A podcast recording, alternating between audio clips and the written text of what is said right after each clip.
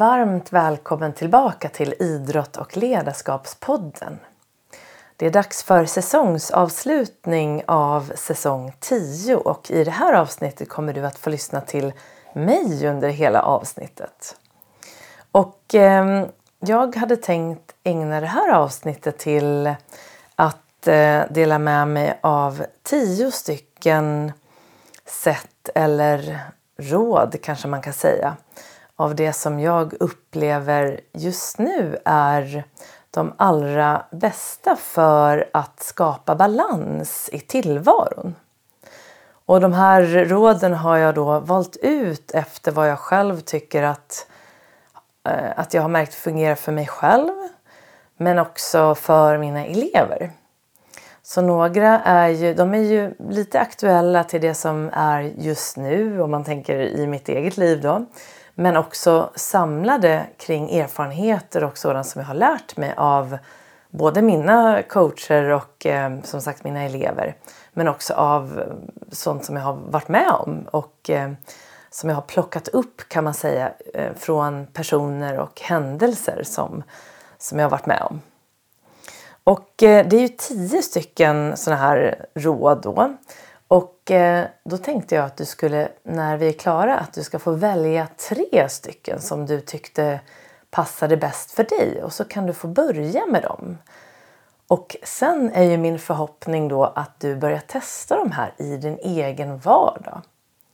För det är egentligen det som är den skillnaden som är den största skillnaden och det är just att du gör de här sakerna som du upplever känns bra för dig just nu. Så att jag vet att det finns så mycket råd och tips och den här tiden på året som är just nu så är det då maj och eh, tidningarna börjar ta upp eh, till exempel så här tappar du mer och mer vikt till sommaren inför bikinisäsongen eller badbyxesäsongen och eh, så här gör du för att äta bättre eller de här råden kan du följa för att må bättre och Alltså det haglar ju av sådana här tips och råd och eh, själv följer jag också väldigt många sådana här nyhetsbrev från personer jag är intresserad av och det kommer alltid sådana här jättekloka råd. Bland annat så följer jag Harvard Business Review och de har något som heter The Management Tip of the Day.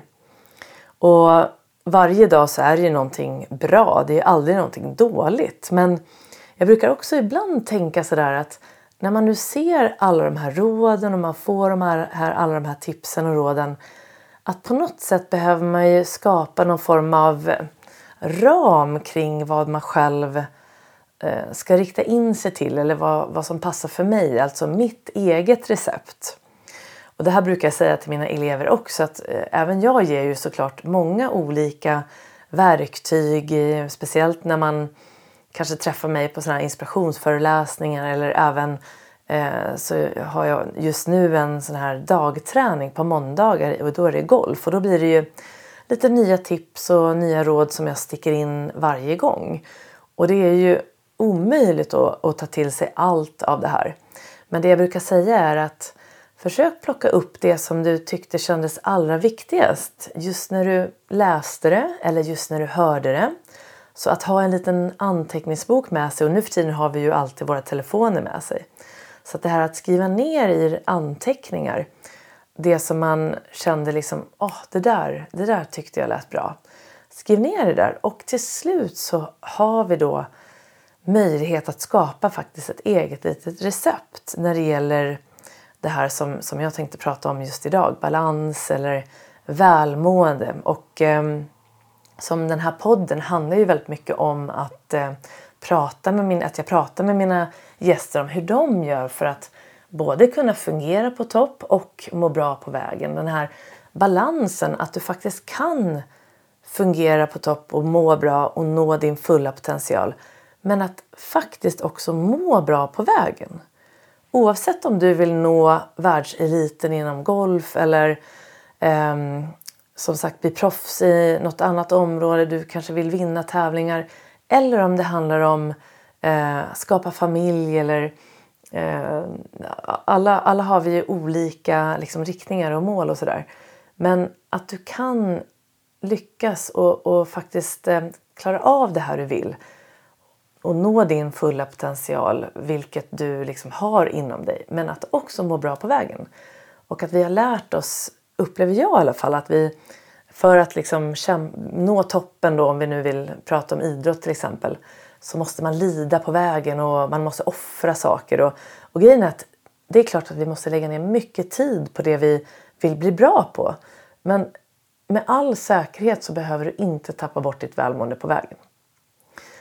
Men i alla fall, så podden handlar ju mycket om att prata med gästerna om hur de gör för att ehm, eh, skapa den här balansen och vad har de gjort eh, vad gäller deras nycklar till framgång och hur de har hanterat misstag och hinder på vägen. Och, och sen kommer, kommer jag också in ofta på det här med stress och eh, hur de gör för att hantera stress och eh, vad gör vi för att inte bli utbrända. Och i den här säsongen har jag haft eh, en hel del fokus på det här då och bland annat Nils Edelstam som är läkare då som är, har jobbat just med inriktningsstress och även ledarskap. Och där pratar vi mycket om just eh, hur du hanterar det här och hittar balansen. Så det var det perspektivet eh, som, eh, som han som läkare pratade om det här. Det var otroligt spännande. Men i alla fall så att ehm, då tänkte jag det här receptet då som, som jag hoppas och, och tror att vi alla mår bra av att ha. Att de här tio råden och de här tipsen som jag tar upp idag, att det kanske kan vara någonting som du kan plocka in i det. Och då tänkte jag att du skulle få välja ut tre av de här som du kan få börja med då som sagt. Eh, efter att du har lyssnat på det här. Och då kanske du väljer att testa de här tre sakerna under kanske en vecka eller två veckor. Eh, tre veckor brukar man säga för att skapa en vana. Så, och sen kan du, kanske du plockar någon annan av de här. Och du kommer känna igen de här, eh, flera av de här råden också från förmodligen något som du har läst redan. Men när jag ger sådana här tips och råd då försöker jag alltid ha i bakhuvudet något som jag lärde mig för, för många, många år sedan av just Lars-Erik Unestål då, som är grundaren av mental träning i Sverige. Och han har ju forskat otroligt mycket på vad är egentligen framgångsfaktorerna för just inre och yttre välmående eller inre och yttre framgång kanske man kan kalla det också. Och eh, det som kom att kallas smakfaktorerna var ju de fyra gemensamma nämnare som, som Lars-Erik då började titta på. Och när man går lite djupare in på det här och jag har ju läst väldigt mycket om just eh, både ledarskap, om självledarskap, om personlig utveckling, mental träning, eh, träning, fysträning, allt det här som jag själv nu jobbar med och som jag har utbildat mig inom. Och eh, de här fyra faktorerna kommer alltid tillbaka.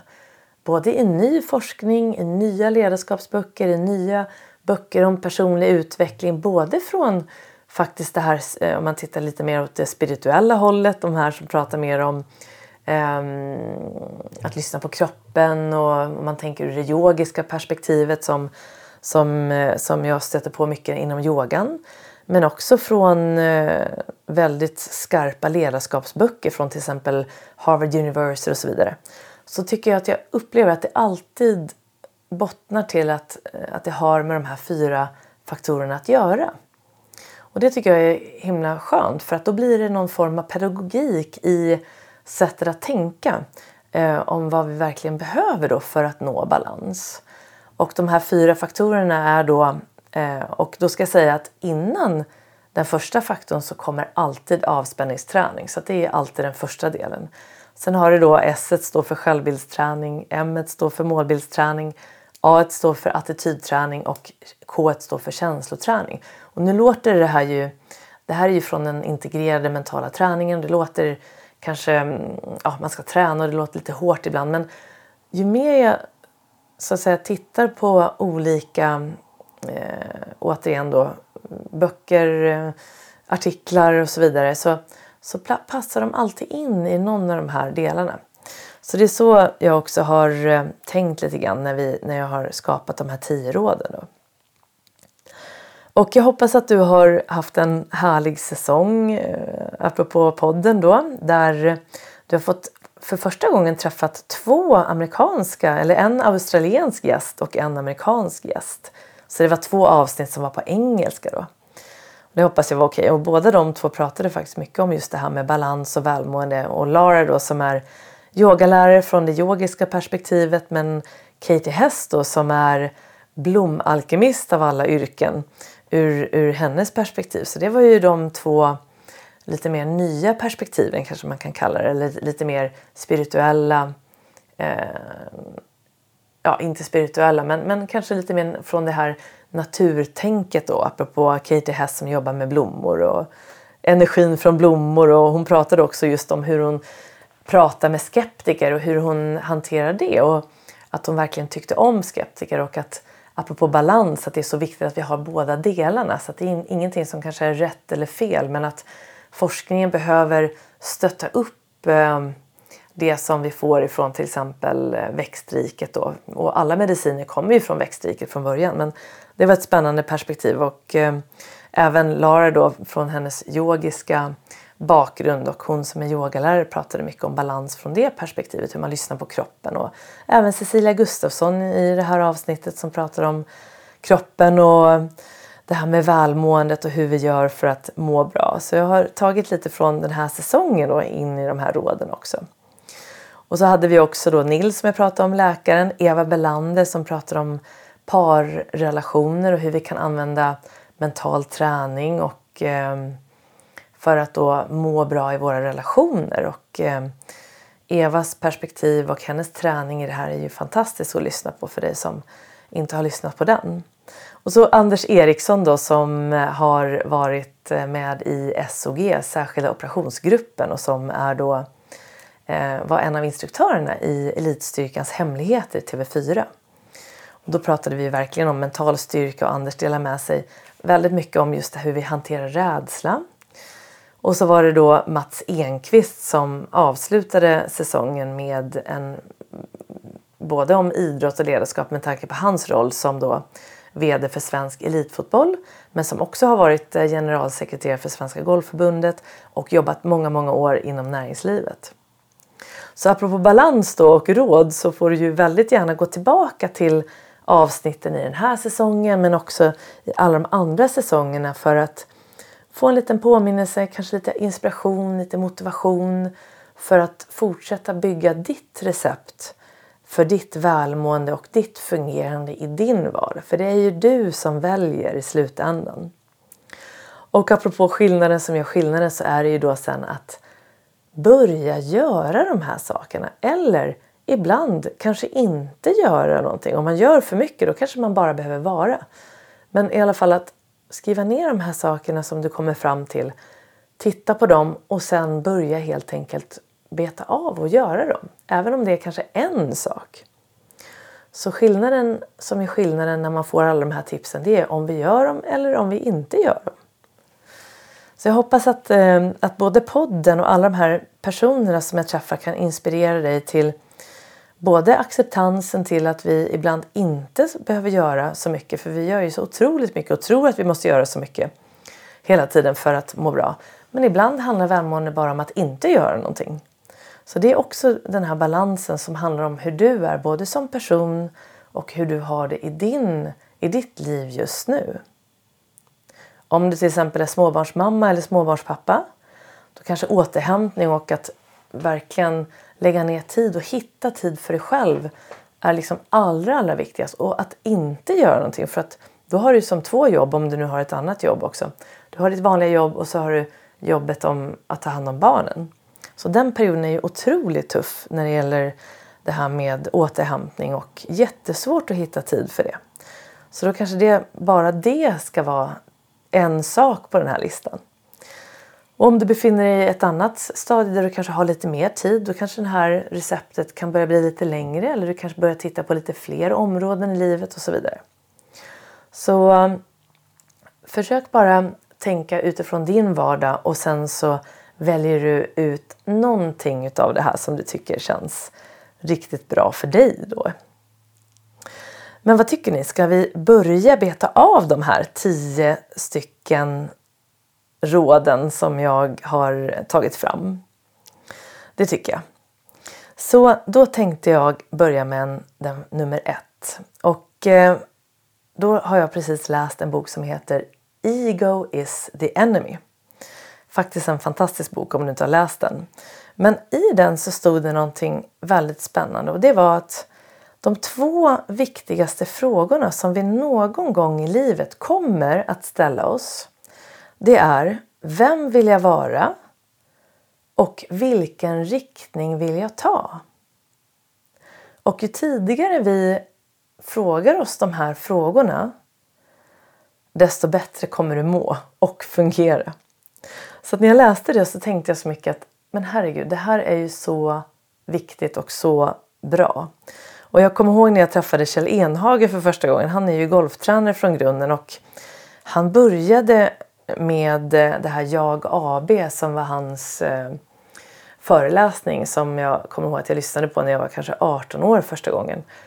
Och helt fantastisk föreläsning. Då hade man den, fick man köpa den på eh, videoband. Och jag kommer ihåg att de kostade så här 2-3 tusen kronor. Det var svindyrt. Och vi skulle gå ihop flera kompisar för att se om vi kunde ha råd att köpa det här, den här videon. Um, det hade vi då till slut inte så man fick sitta och liksom febrilt ta anteckningar när, när, vi lyssnade på honom och som tur var så fick vi chans att lyssna på honom på flera, flera ställen. Och vid ett av de här tillfällena när jag lyssnade på Kjell då, det var, eh, då pratade han om mirakelfrågan och den har han också tagit med i sin bok Låsningar och lösningar. Och den har jag också tagit med i min bok och då har jag frågat eh, till och med Kjell om det var okej. Men det är inte han som kom på den här från början. För jag vet att eh, Lars-Erik Unestål också har använt den här och många andra. Man döper den bara till lite olika namn. Men en otroligt viktig och bra sån här eh, vad ska man säga, start. Om du känner att du har antingen fastnat lite grann. Du kanske märker att du är omotiverad. Du kanske känner att du är inne i det här ekorrhjulet och det bara, tiden bara går och går och går. Och du, du gör samma sak och du vet inte ens varför du gör det du gör. Om du då märker att, eh, att, du, att du som sagt inte har tid. Försök hitta en tid i alla fall och sen sätter du dig ner och de här två frågorna då. Vem vill jag vara och vilken riktning vill jag ta? Det är de två frågorna som du kan ställa dig och sen kan du då ta den här mirakelfrågan till hjälp och den lyder i princip så här att om du skulle ha alla pengar i världen, all tid i världen, det finns helt enkelt inga hinder. Vad skulle du vilja göra då? Alltså vilken riktning skulle du vilja ta då? Och vem skulle du då vilja vara? Och um, de här två frågorna och att verkligen göra det lite grann som eh, i ett meditativt tillstånd. Att du är väldigt lugn och ger i alla fall en 30 minuter och så sitter du sådär och bara skriver ner om nu allt är möjligt. Och som Kjell skulle säga, det kanske inte är möjligt men om det skulle vara möjligt, vad skulle du skriva ner då? Så skriver du ner allt du kan komma på. Och eh, det här kan då vara starten till att till slut ha tre stycken sådana här eh, riktningar kanske man kan säga. Och vem du vill vara är ju också en form av riktning. Och ibland kan det här behöva kommas tillbaka till flera gånger. Så att första gången man gör det här så kanske det inte kommer någonting. Och du kanske känner att nej, det här är inte alls, jag har inte tid med det här överhuvudtaget. Jag vill inte ens eh, tänka på de här frågorna.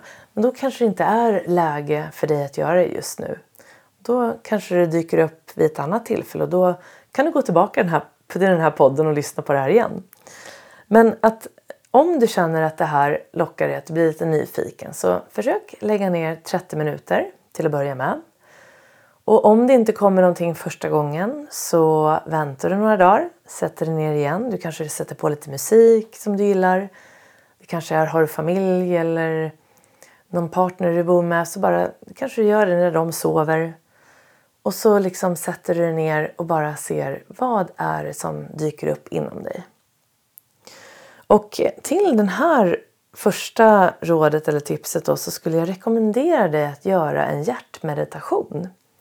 Eftersom när det gäller sådana här frågor så kan det vara så att svaren bor inte uppe i huvudet utan mer nere i hjärtat. där visdomen finns som man brukar säga. Om man...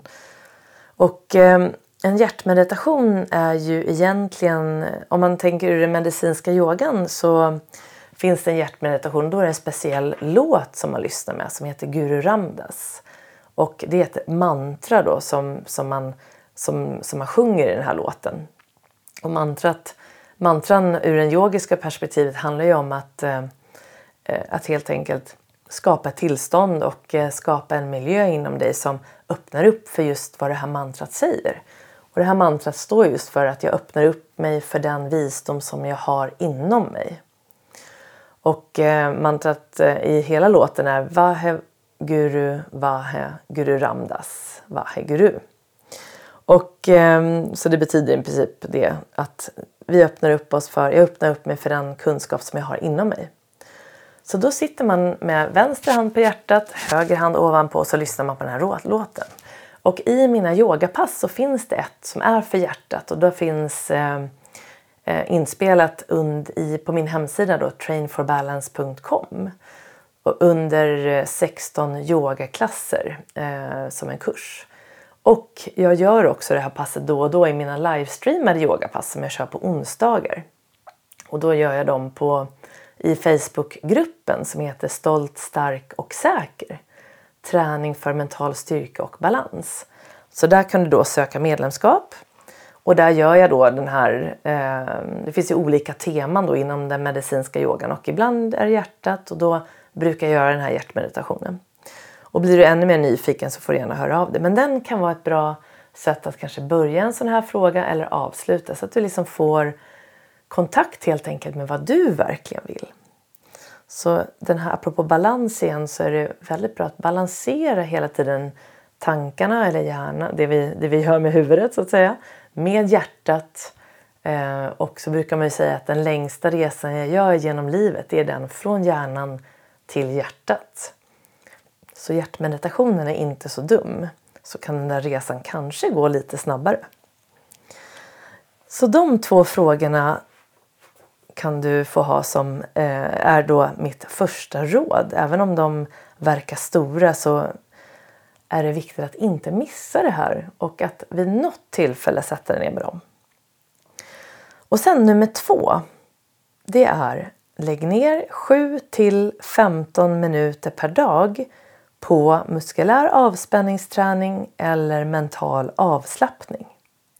Och det här är vad forskningen har kommit fram till för länge sedan men också upp, eh, eh framför allt idag eh, när man har sett att utbrändhet och stress har ökat i samhället. För att det är det här vi behöver om du bor i en, i en stad med människor, du lever med någon och helt enkelt lever som de flesta människor gör för att hålla din grundspänning låg. Så apropå mina gäster i den här säsongen så var det ju i alla fall minst tre av dem. Det var Lara, det var Katie och det var Cecilia. Och som, som sa att när jag frågade dem om de här tre mm, råden som de har då, som de ville lämna till lyssnaren så var de att slow down, alltså att sakta ner. Så att när vi är lite stressade och börjar liksom göra saker snabbare och vi kanske får lite för mycket att göra, vi glömmer bort återhämtningen, då höjs grundspänningen. Och att då kunna liksom få ner den så blir det lättare att göra saker i sin takt och göra dem med kvalitet istället för kvantitet. Och vi återkommer alltid till det. Det är alltid bättre att göra saker bra än att göra för mycket. Och en annan sak är att vi kan inte multitaska, även om du är kvinna och tror det. Män kanske också tror det, men man brukar säga att, att kvinnor är bra på att göra flera saker samtidigt. Men det är totalt en myt. Vi ska inte göra flera saker samtidigt. Vi ska göra en sak i taget. Och sen om vi kan göra en sak i taget snabbt så kanske vi kan göra det. Men en sak i taget. Hjärnan fungerar inte bra när den ska göra för många saker samtidigt. Det blir liksom inte lika bra. Och för att då komma på det här och kunna sakta ner så behöver vi lägga ner 7 till 15 minuter per dag på någon form av avspänning eller mental avspänningsträning, alltså muskulär avspänningsträning eller mental avslappning. Och några exempel här, om man tänker ur den mentala träningen så jobbar jag och med den mentala träningen generellt med ljudfiler. Och då finns det muskulär avspänningsträning, en ljudfil, en kvart. Det finns mental avslappning, en kvart. Det finns självbildsträning som är en form av avspänningsträning också men som är inriktad mer till att stärka ditt självförtroende och din självkänsla. Och sen målbildsträning som också är en ljudfil men och som ger avspänning men som är mer inriktad på att hjälpa dig Eh, med dina mål, målbilder som du har så att det är som en målinriktad inre träning. Men alla de här ljudfilerna skulle kunna vara ett av de här, eh, dina 7 till 15 minuter per dag. Och hur man jobbar med de här ljudfilerna det har jag skrivit om i min bok också under träningsprogram 10. Där kan du gå lite djupare in i det om du vill veta mer om dem. Du kan också göra medicinsk yoga och då får du jättegärna följa med på mina pass. Ehm, det handlar om att släppa på spänningar i områden där de gärna samlar sig. Och vi avslutar alltid passen med en meditation som är en mental avslappning. Du kan gå ut i naturen. Du kan göra fysisk träning är också muskulär avspänning framförallt efter att du har tränat fysiskt. Då sänks kortisolhalten i kroppen och det är lättare att slappna av. Du kan gå ut och krama ett träd, skogsbada som Cecilia Gustafsson pratar om i, här, den här säsongen. Vara i naturen alltså jättefantastiskt för avslappningen där vi får väldigt mycket energi såklart av träden och växterna. Så du förstår, här väljer du egentligen precis vad, vad som passar dig. Men försök verkligen lägga in 7 till 15 minuter per dag. Och vad gäller de här stunderna när man gör det här, mitt tips är att göra det när du borstar tänderna. Så att jag brukar ibland göra sju minuter och ibland gör jag lite längre. Ehm, men jag gör alltid minst sju minuter och jag brukar göra det då på kvällen efter att jag har borstat tänderna. Om jag inte har gjort någon annan dag, någonting annat under dagen så gör jag det då. Sätter mig ner på badrumsmattan och då gör jag tre av mina medicinska yoga övningar. Det är ryggflex, supercirklar, ryggvridning. Och sen avslutar jag med antingen U-andning där man gör växelvis andning in genom vänster näsborre, ut genom höger in genom höger och ut genom vänster. Den balanserar hjärnhalvorna och är en otroligt lugnande och bra eh, andningsövning. Ibland om jag känner att jag har haft en väldigt hektisk dag så brukar jag andas genom vänster näsborre som är en andningsövning som aktiverar ditt lugn och rosystem och som gör dig lugn bara efter några minuter. Så det, det kan vara ett tips om du inte har hunnit något att göra hunnit under dagen och att du gör det här när du borstar tänderna. Om du istället är en morgonmänniska så kan du göra det här när du borstar tänderna på morgonen. Så det var nummer två. Nummer tre. Att göra allting långsammare under en hel dag. Så det här är ett tips att under en dag testa att göra allt du gör långsamt. Så det hänger ju då ihop med det här att eh, få ner din grundspänning, att se om du kan göra saker långsamt. Och då kan du då till exempel gå långsammare, du kan prata långsammare, kan röra dig långsammare när du diskar eller när du eh, gestikulerar. Eh, helt enkelt göra allting långsammare under en enda dag bara. Bara för att se hur det känns. Så det var nummer tre. Nummer fyra det här var nog ett av de bästa tips jag fick under en ledarskapsutbildning som jag gick när jag jobbade som VD på en resebyrå. Och, det roliga var att tipset kom inte från han som var ledaren utan det kom från en av mina eh, kollegor som var VD på ett annat bolag i vår koncern. Så han satt bredvid mig och det var han som gav mig det här tipset och det var det som jag tog med mig mest från den utbildningen. Men då sa han så här, och det här har jag verkligen tagit fasta på efter det. Det var att gör en agenda inför morgondagen innan du avslutar jobbdagen. Så han sa också till exempel att en kvart innan du tänker avsluta dagen, oavsett om du nu jobbar hemma eller är på jobbet. Så en kvart innan du ska gå eller avsluta för dagen så skriver du ner vad du ska göra under nästa dag.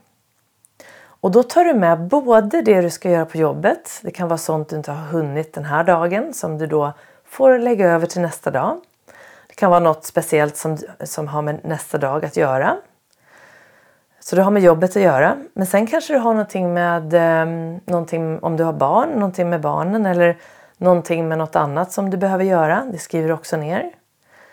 Och sen, jätteviktigt, lägg in också där när du ska göra din återhämtning under dagen. Till exempel de här 7 till 15 minuterna då som vi precis pratade om. Så lägg in det i din agenda som om det är lika viktigt som det du ska göra på jobbet. Och vad gäller just återhämtning där, nu sa jag ju 7 till 15 minuter och du kan sprida ut det under dagen. behöver inte vara sammanhängande även om det blir större effekt om du till exempel gör en kvarts avspänningsträning i rad eh, än om du gör det eh, sju minuter eller om du gör det tre minuter. Men det är bättre att göra någonting än att inte göra, någon, än att inte göra någonting alls. Så där kanske du lägger in tre minuter andas genom vänster näsborre innan du tar ditt morgonkaffe. Du kanske precis innan du går iväg till lunchen bestämmer dig för att djupandas lite grann, alltså långa djupa andetag. Det är också en, kommer från den medicinska yogan. Och blir du nyfiken på det så återigen gå in i mina pass för vi börjar alltid med långa djupa andetag. Den ljudfilen finns också på Train for Balance. Eh, eh, under ljudfiler. Där finns det en guidning från mig som heter djupandning. Så då kanske du gör några långa djupa andetag innan lunch. Och sen kanske en kort stund på eftermiddagen innan kanske ett möte så kanske du andas genom vänster näsborre för att du vill bli lugn till exempel. Så lägg in även det. Och sen då som inkluderas då i nummer fyra här, det är att du när du börjar nästa dag, då är det den här listan du tittar på och så betar du av den. Stryker över, stryker över, stryker över det du har gjort. Det du inte har gjort hamnar då på agendan den dagen innan du går hem, en kvart innan du stänger för dagen. Skriver ner din lista och så börjar du om igen. Så det här blir en, en fantastisk rutin för att skapa både för planering men för att skapa lite trygghet och för att få ner dina tankar på papper.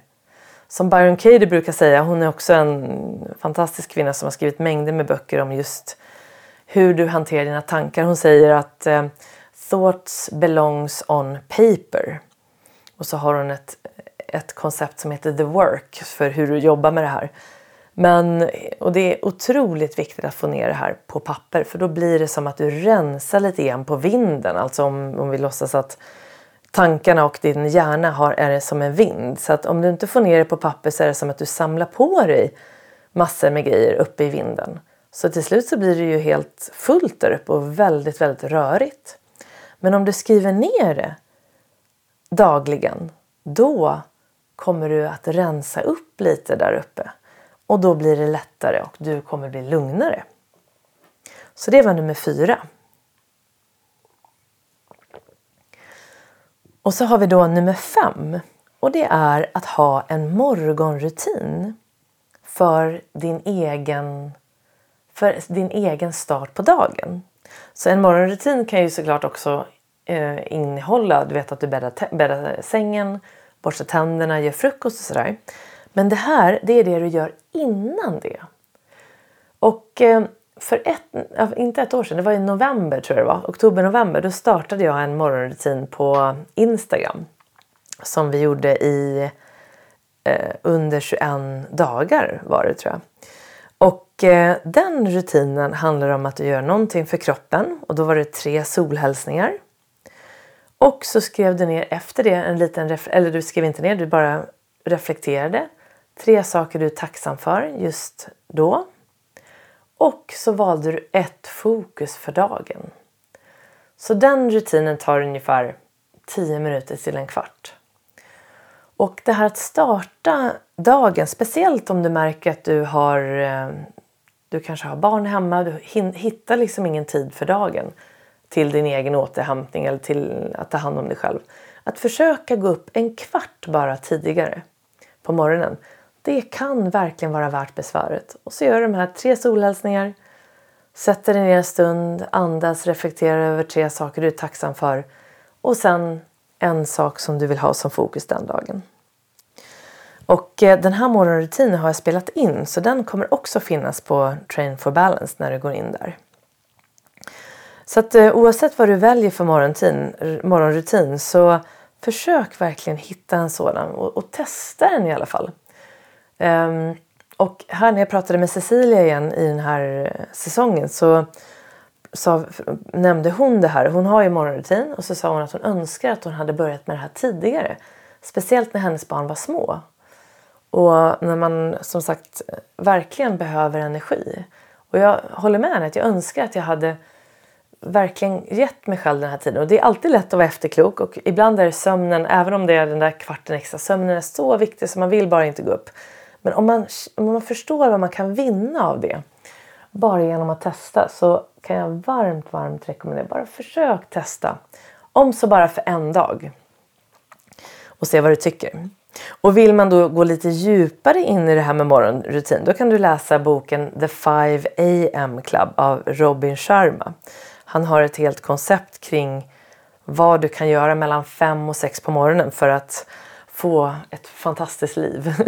och då handlar det om att han har delat upp en morgonrutin i tre delar. Så det är 20 minuter fysisk träning där du verkligen ja, all in på fysisk träning. Och sen är det 20 minuter där du fyller på med eh, ehm, ja, med eh, avslappning, avspänning, meditation och så vidare. Och sen 20 minuter för att fylla på kunskap och inspiration. Kanske lyssna på en podd, läsa en bok och så vidare.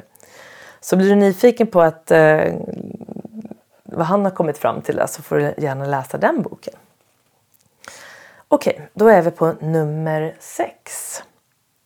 Och här har jag då rör på dig, bara för att vi pratar om det. Rör på dig någon, någon stund varje dag. Och att röra på sig självklart måste vi göra för att må bra. Så det, de här 10 000 stegen är ganska många men 7 till 10 000 steg brukar man ju rekommendera. Men bara utöver det, verkligen se till att bara få igång kroppen. Rör på dig, ställ dig upp och hoppa eller stig ut och spring eller promenera eller du kanske vill testa att dansa bara. Sätt på musik och dansa. Försök bara röra på dig och skaka loss kroppen. Och här finns det något som heter skakmeditation som jag hörde häromdagen från en av mina elever som sa att det hade blivit mer och mer populärt med det här. Och eh, det finns en meditation i den medita medicinska yogan som jag gjorde i ett av mina pass för inte så länge sedan. Och eh, den är ju riktigt häftig. Och då står du rakt upp och ner. Och så börjar du helt enkelt hoppa upp och ner på hälarna. Du rör dig upp på tå, ner och så släpper du ner kroppen som du kan tänka att du står upp, går upp på tå och så bara släpper du ner hela kroppen på hälarna så det skakar till i hela kroppen. Så går upp och släpper ner. Går upp släpper ner så kan du göra det här i takt med din andning. Och bara att stå så och känna hur du skakar loss kroppen så är det ungefär som att spänningar släpper. Så att, att försöka röra på det och eh, det är som sagt när vi är klara med de här tio så ska du välja tre saker och vi vet ju att det finns ju de här vi vet att vi måste röra på oss och eh, samtidigt kanske göra det lite roligt är också såklart jättebra. Och så testa de här skakmeditationerna om du är nyfiken. Det är väldigt, väldigt roligt och går väldigt snabbt. Du går upp från stolen om du sitter och jobbar till exempel så bara ställer du dig upp och ner, upp och ner så kör du så kanske några minuter bara.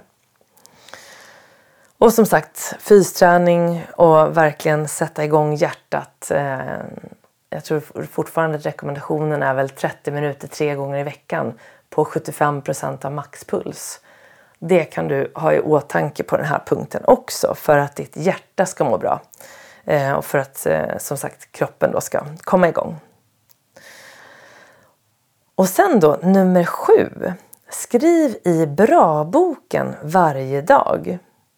Så här kommer vi in lite grann på det här med att skriva ner tankar. Men den här är tanken att du gör innan du går och lägger dig. Så att mitt tips är att du har en liten bok bredvid dig vid ditt nattduksbord som är till för din, din mentala träning eller ditt välmående. Ja, men sådana här saker som du kanske just nu jobbar lite med eh, för dig själv. Då. Och bra-boken handlar om att du... Och det, det heter Bra-boken men det är som en övning kan man säga då. Och eh, då skriver du ner då tre saker som du känner att du har gjort bra under dagen och som du är stolt över samt varför du tycker det. Och det här vet jag att jag har nämnt i podden här eh, några gånger. Det var ju Martin Seligman som skapade den här eh, övningen från början då han hade flera patienter när han jobbade som på en psykiatrisk avdelning. Jag tror att det var Massachusetts University. Och han eh, märkte att de aldrig blev bättre. Trots mediciner och allting så blev de inte bättre. Och så kom man på att men, de är ju väldigt negativa. Och det var ju inte så konstigt. De hade ju väldigt mycket eh, dåligt som hände och de var ju, hade ju mycket problem. Men de var också väldigt fokuserade på problemen.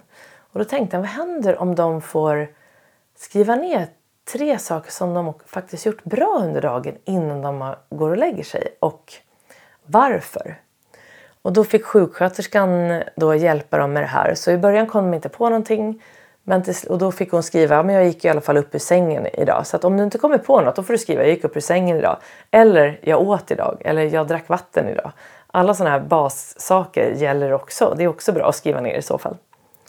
Men då började de i alla fall komma igång och efter bara tre veckor så märkte man då markant skillnad i deras välmående. Så att över, jag tror att det var över 90 procent som gick från då djup depression till lätt nedstämdhet i den här studien. Då.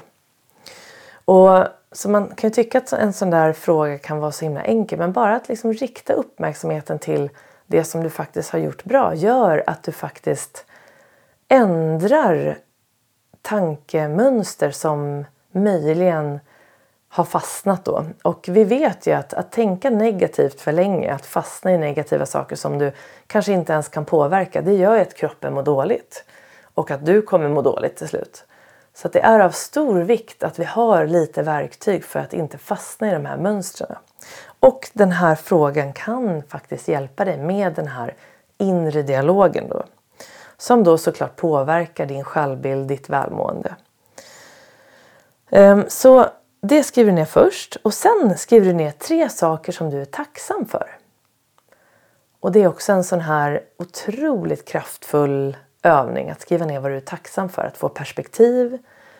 Och eh, den här eh, frågan ingår ju också i Harvard Universitys största, den största lyckostudien i världen som är gjord på Harvard University. Den har hållit på sedan 30-talet. Håller fortfarande på idag. Man tittar på vad som gör människor lyckliga.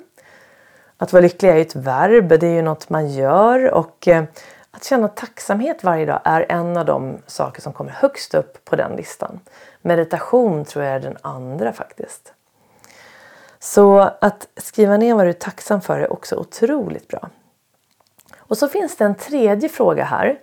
Då vill jag bara säga att om du är väldigt van att tänka negativt och om du mår väldigt dåligt, då kan du hålla dig till de här första två. Men annars om du känner att du är lite mer i balans och så, då kan det vara bra att eh, också fråga dig vad du tycker att du behöver hjälp med. Så att man skriver alltså inte ner vad jag eh, inte har gjort bra idag utan vad jag känner att jag behöver hjälp med. För det kan vara någonting som kan sitta djupt inne. Vi kanske har svårt att be om hjälp. Så att helt enkelt börja med att be om hjälp till sig själv. Man skriver ner tre saker du behöver hjälp med och det kan ju då vara, det är ju så att det oftast gömmer sig då i de här sakerna som du inte tycker har gått så bra under dagen. Så att om du till exempel har eh, varit med om att du har bråkat med någon till exempel. Då kanske du känner att du behöver hjälp med att ha tålamod med den personen.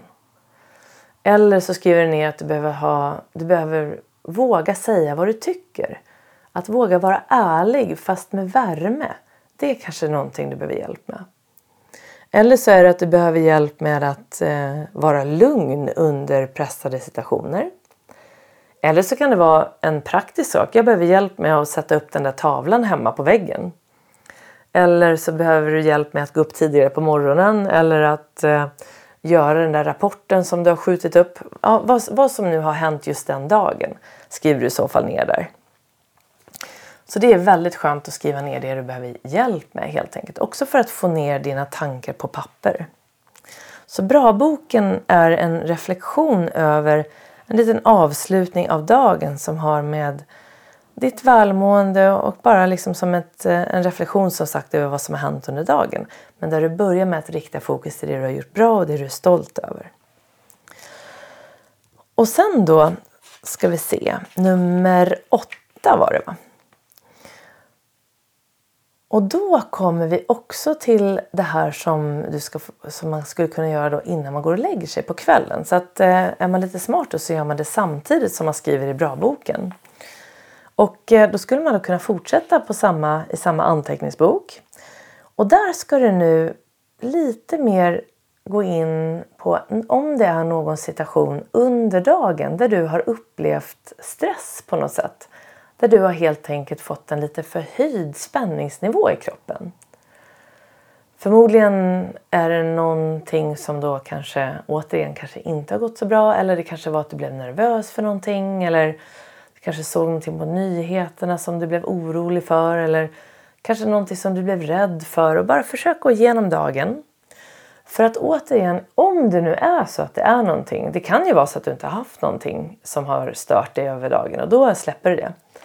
Men här ska du få ta hand om den här eh, oron på ett lite mer konkret sätt. Eller den här stressen.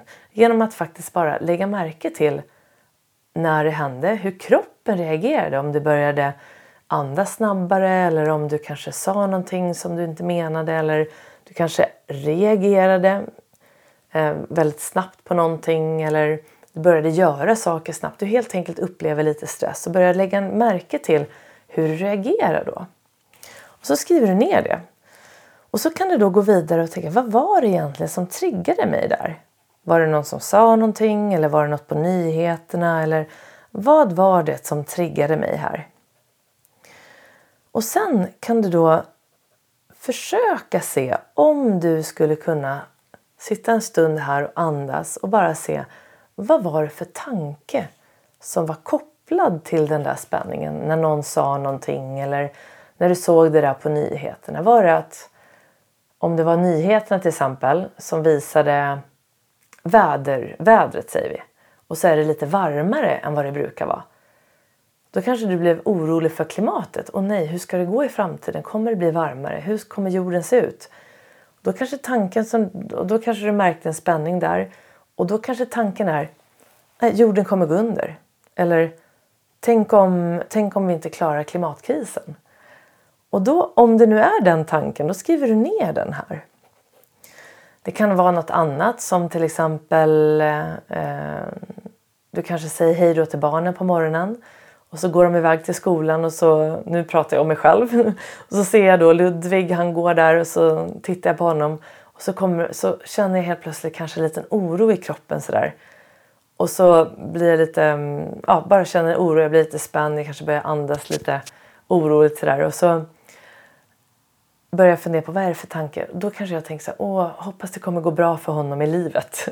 Eller, åh, hoppas han kommer att ehm, eh, verkligen eh, komma ihåg att han ska gå hem i tid idag. Eller vad det nu än är. Alltså det är alltid någon tanke kopplad. Och försöka börja observera det där lite grann. För att förmodligen, om du gör det här några dagar, du kanske gör det under en vecka säger vi, till att börja med, eftersom det här är saker du ska testa bara till att börja med. Du gör det under sju dagar, du lägger märke till om det är någonting som har triggat dig, någonting som gav dig oro eller en förhöjd spänningsnivå. Du skriver ner vad som hände, hur du reagerade i kroppen, om du sa något. Och sen börjar du försöka, vad var det för tanke som var kopplad till det där? Då skriver du ner den. Och sen då kommer lite tricket här och det är när det här händer igen, för att ju mer du gör det här desto mer kommer du lägga märke till och bli medveten om det. Då kan du få använda en modell som jag har lärt mig från mindfulness-träning eller mina mindfulness-utbildningar. Och den heter SOAS. Och den betyder att du när du känner en spänning, du, då S står för stanna upp O står för observera hur du känner, hur du tänker eller hur du känner och hur du reagerar. Observera bara. Och sen accepterar du att du känner så här, att den här tanken finns eller att du blir orolig, att du eh, bryr dig om dina barn eller att du bryr dig om att andra ska tycka om dig. Eller du bara accepterar fullt ut, 100%. Sen kommer ett sätt och då är det släpp taget om allt du inte kan påverka. Här är ju sinnesrobönen så bra som skrevs 1926 tror jag det var. Han eh, som skrev den, nu kommer jag inte ihåg namnet bara där för jag kan skriva in det sen i texten här till podden. Och eh, just det här att eh, människan behöver förstå vad hon kan påverka. Förstånd, eller, och vad hon kan påverka och vad hon inte kan påverka och förstånd att inse skillnaden däremellan. Så att släppa taget om det du kan, inte kan påverka, fokusera på det du kan påverka och förstånd att inse skillnaden. Ungefär så går den. Och eh, det är så otroligt lätt att fastna i sådant som vi inte kan påverka och så lägger vi ner massor med energi på det. Och det tar ju massor energi, kan höja din grundspänning, gör att du inte mår speciellt bra förmodligen för att du blir orolig kanske. Och, och du lider helt enkelt i onödan. Att kunna lägga märke till det på grund av att du börjar lägga märke till hur kroppen reagerar, förstå att det finns en tanke där som du kanske då som har med något att göra som du inte kan påverka. Skriva ner den och sen släppa taget då och börja rikta uppmärksamheten till något du kan påverka. Och om du då gör den här modellen när du upplever sådana här situationer, alltså det kan du göra tyst i huvudet, här, stanna upp, observera, acceptera att du är nervös eller är orolig, allt det här, även om du inte vill acceptera det så gör du det i alla fall. Och sen då släpp taget om det du inte kan påverka. Och sen finns det ett A efteråt som är inom parentes. Så jag brukar använda det till att rikta det till att agera då. Så att du agerar på det du kan påverka. Och om du inte kommer på något då kan du bara andas för att hjälpa dig själv släppa taget. Och det kan hända att det är när du är i trafiken till exempel. Så ett klassiskt exempel på sånt du inte kan påverka. Andra människor som kör sina bilar. Du kommer förmodligen aldrig träffa dem igen. Och ändå kan du sitta och bli jätteirriterad på att någon körde före dig eller någon körde i busslinjen eller någon blinkade inte när de körde in framför dig. Eller, så folk beter sig ju hur som helst i, i trafiken. Men att lägga ner energi på det är så otroligt onödigt och all den där energin är ju mycket, mycket bättre om du kan rikta till det du kan påverka och till dig själv. Så att du inte behöver få en förhöjd grundspänning. Så att inte du behöver eh, få stresssymptom på grund av det, något du inte kan påverka i alla fall. Så då kan du ju se, det här är ju också en träningssak. Så att det här kan du då få göra under sju dagar. För att testa. Lägga märke till det här på kvällen innan du går och lägger dig till att börja med. Och sen då kan du börja applicera den här modellen. Och vill du då ha ett, en ersättande tanke eller någonting som ersätter den här. Säg att du märker att du lätt kan bli orolig för klimatet. Då kanske du behöver hitta en annan, ett mantra eller liksom ett, en tanke som ersätter den. Och, så jag brukar till exempel använda vi gör det vi kan, eller jag gör det jag kan för att påverka klimatet positivt. Jag gör det jag kan. Och så har jag skrivit ner en liten lista på vad jag kan göra för att påverka. Och den brukar jag gå till om jag blir orolig för klimatet. Och om det gäller barnen så brukar jag tänka att jag ska vara en närvarande mamma när jag är med dem. För att, att vara närvarande som mamma ökar barnens självkänsla. Det har man också sett i, um, i de flesta studier. Om man vill öka sina barns självkänsla så är din närvaro jätteviktig när du är med dem. Och i boken Fem gånger mer kärlek som handlar om föräldraskap. Där skriver han, författaren där, om att Eh, 15 minuter per dag om du kan ge full närvaro till dina barn under 15 minuter per dag, det låter ju jättelite. Men om du kan göra bara det så är det, gör det jättestor skillnad på barnens välmående. Så den boken, apropå böcker, då, är också otroligt bra om du inte har läst den. Så den tar jag också med här i texten så du kan se vem som har skrivit den också. Um, och um, nu då så går vi vidare så att du får väl höra av dig om du känner att du har några frågor om det, om det här. Men då nummer nio. Gör en, eller välj en vardagssituation varje dag, alltså en vardagssituation där du är fullt närvarande. Alltså närvaroträning under en vardagssituation varje dag. En gång per dag. Och då väljer du till exempel när du äter. Det kallas mindful eating. Det betyder om du nu har valt mat att du äter så sitter du och ser färgerna på maten, du känner lukten.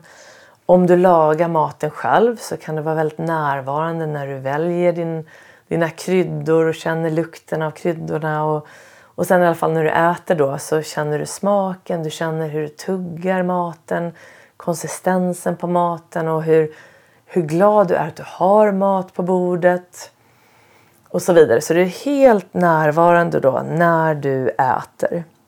Du kanske väljer när du duschar. Och då är du fullt närvarande när du duschar. Och eh, då känner du då tvålen som eh, gör dig väldigt ren. Hur det luktar om tvålen och hur ren du blir av vattnet som rinner ner. Och hur tacksam du kanske är för att du har rent vatten. Och eh, helt enkelt helt närvarande. Och om du märker att du börjar tänka på mötet du ska ha sen eller vad du ska göra efter att du har duschat eller någonting. Då bara lägger du märke till det, tackar för den tanken men vänligt men bestämt kommer du tillbaka till det du gör just nu och det är att du duschar för att bli ren. Och du kan också välja då när du dricker kaffe, samma sak där, eller när du promenerar då kan du välja en kort del av promenaden. Det kan vara om du spelar golf så kanske det är vid ett av slagen eh, under den rundan till att börja med. Till slut vill man ju göra det i alla slag. Men börja med att göra det under ett av slagen, fullt närvarande. Och där har man ju då en rutin som hjälper dig med det också. Eh, så du väljer helt enkelt en sån här vardagssituation, någonting som du ändå ska göra den dagen och så gör du den i full närvaro. Det här är ett sätt att öva upp din koncentrationsförmåga, din förmåga att komma tillbaka till nuet. För det är faktiskt i nuet som du alltid mår och fungerar som bäst. Och sen nummer 10. Gör en person glad varje dag. Återigen, här kan du välja till exempel sju dagar till att börja med. Och så varje dag den här veckan så väljer du att göra en person glad. Och du får göra precis vad du vill. Du kanske ringer någon, du kanske säger tack och tittar någon i ögonen, du kanske ler till någon. Vad du än gör, du får välja precis vad du vill. Men du ska göra en person glad under en dag. Och så gör du det i minst sju dagar. Så det var det tionde rådet eller det tionde tipset till balans och som förhoppningsvis då kan hjälpa dig börja och eh, fylla i och skapa ditt eget recept för välmående och prestation eller välmående och fungerande i din vardag. Så nu har du kanske några frågor eller funderingar då får du väldigt gärna höra av dig till mig. Och eh, du hittar mig då på eh, min hemsida www.jennyhagman.com. Du hittar mig på Instagram och då är det snabela Jenny underscore Hagman. Där jag också lägger upp lite såna här tips och råd då och då. Ehm, och ehm, sen är det då nästa säsong kommer att börja i september. Så det är ett tag kvar. Men i år kommer det nog komma några sådana här bonusavsnitt på vägen dit. Så håll utkik här på Idrott och ledarskapspodden för, eh, för vad som händer här. Och eh, jag kommer skriva om det också både i mina nyhetsbrev och på Instagram.